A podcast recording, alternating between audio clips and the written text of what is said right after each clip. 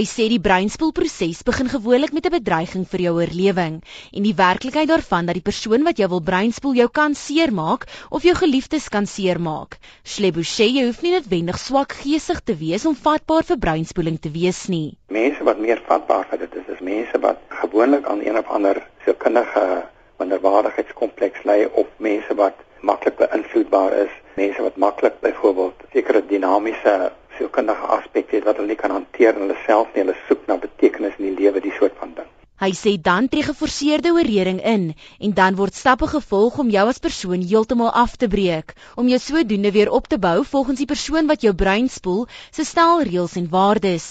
Hy sê dit is gewoonlik 'n charismatiese persoon wat jou makliker sal kan oortuig. Hy gebruik dan die slagoffer se waardestelsel wat hy dan verewel en breek dit stelselmatig af. Dis 'n proses. Dit gebeur nie oornag nie. Sodat daai persoon nie meer in homself of haarself glo nie.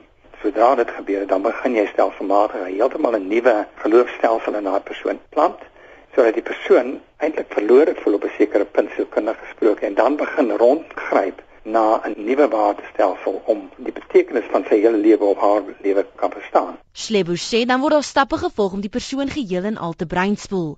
Eerstens word absolute loyaliteit afgedwing, dan word eksklusiwiteit verseker en die slagoffer kry geen privaatheid nie. Daarna kon konformiteit waar die slagoffer aan alle reëls en regulasies moet voldoen wat aan hom of haar gestel word. Daarna word die slagoffer geïsoleer van alles en almal wat hulle eers geken het. Slebbers sê die slagoffer se waardestelsel word verwerp en dan tree daar 'n tipe blinde aanvaarding in waar die persoon wat die slagoffer breinspoel al die mag het. Hy sê dit is waar godsdienst 'n belangrike rol speel in die breinspoelproses waar die slagoffer se gedagtepatroon geherstruktureer word. Dikwels sê daai persoon ook hy of sy verteenwoordig 'n hoër waarde of 'n hoër godheid of 'n hoër spirituele bestaan as jy gelowig is dan met daai gelowigheid kan jy net uitdruk deur die kultusleier wat die breinspoeling uitvoer. En dan begin die persoon sekere verhoudings aanwys. Jy moet jy mag net op sekere maniere met interaksie met daai mense hê met vir jou ouers of met uh, jou vriende. Hy of sy definieer 'n hele nuwe familie vir jou. Jy word deel van sy of haar familie. Jy is nie meer deel van jou oorspronklike gesin of familie. Nie 'n soort van gedragsmodifikasie wat hier plaasvind.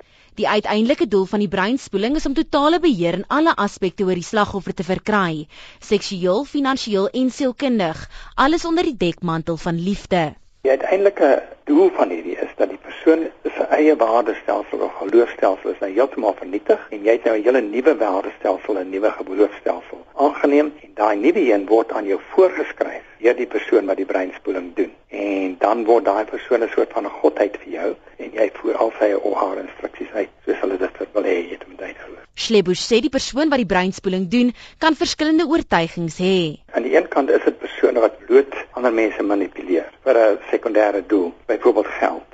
Maar aan die ander kant weer kry jy van tyd tot tyd mense wat self aan delusies ly, want hierdie hierdie grens aan dit soort van delusionele denke en delusies, toe hulle daal 'n uh, sekere magte het of superiore magte het wat ander mense nie het nie en dat hierdie mense dan hulle daai magte moet volg. 'n Persoon wat gebreinspoel is, kan onderskei tussen reg en verkeerd, maar is magteloos teenoor hul leier. Hulle kan onderskei tussen reg en verkeerd. Hulle weet dat om iemand anders byvoorbeeld te vermoor of dood te maak is verkeerd, maar hulle kan hulle self nie help nie. Hulle glo hulle doen die regte ding. So dis nie dat hulle nie kan onderskei tussen reg en verkeerd nie. Dis 'n kwessie van ek glo dis wat ek moet doen alhoewel ek kan onderskei tussen reg en verkeerd. Die gedragspatroon kan gestop word veral tydens die breinspoelproses, maar dit is nie altyd suksesvol nie, want die persoon breek dan bloot weer van vooraf die idees af van die slagoffer om dit te vervang met sy gekose denkwyse. Die deprogrammeringsproses is 'n lang proses wat 'n sneller benodig.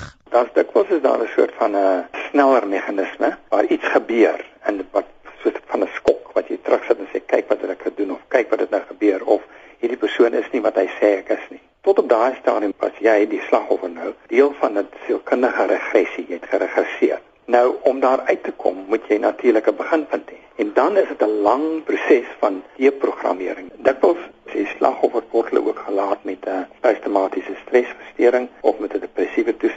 Slebo sê die stres van die moderne samelewing dra by tot die ewige soek na antwoorde wat mense meer kwesbaar laat. Mense het altyd uit 'n sielkundige oogpunt soek ons almal na betekenis in die lewe. Almal soek na iets. Een van die kernaspekte van stres die onvermoë om aan te pas by verandering.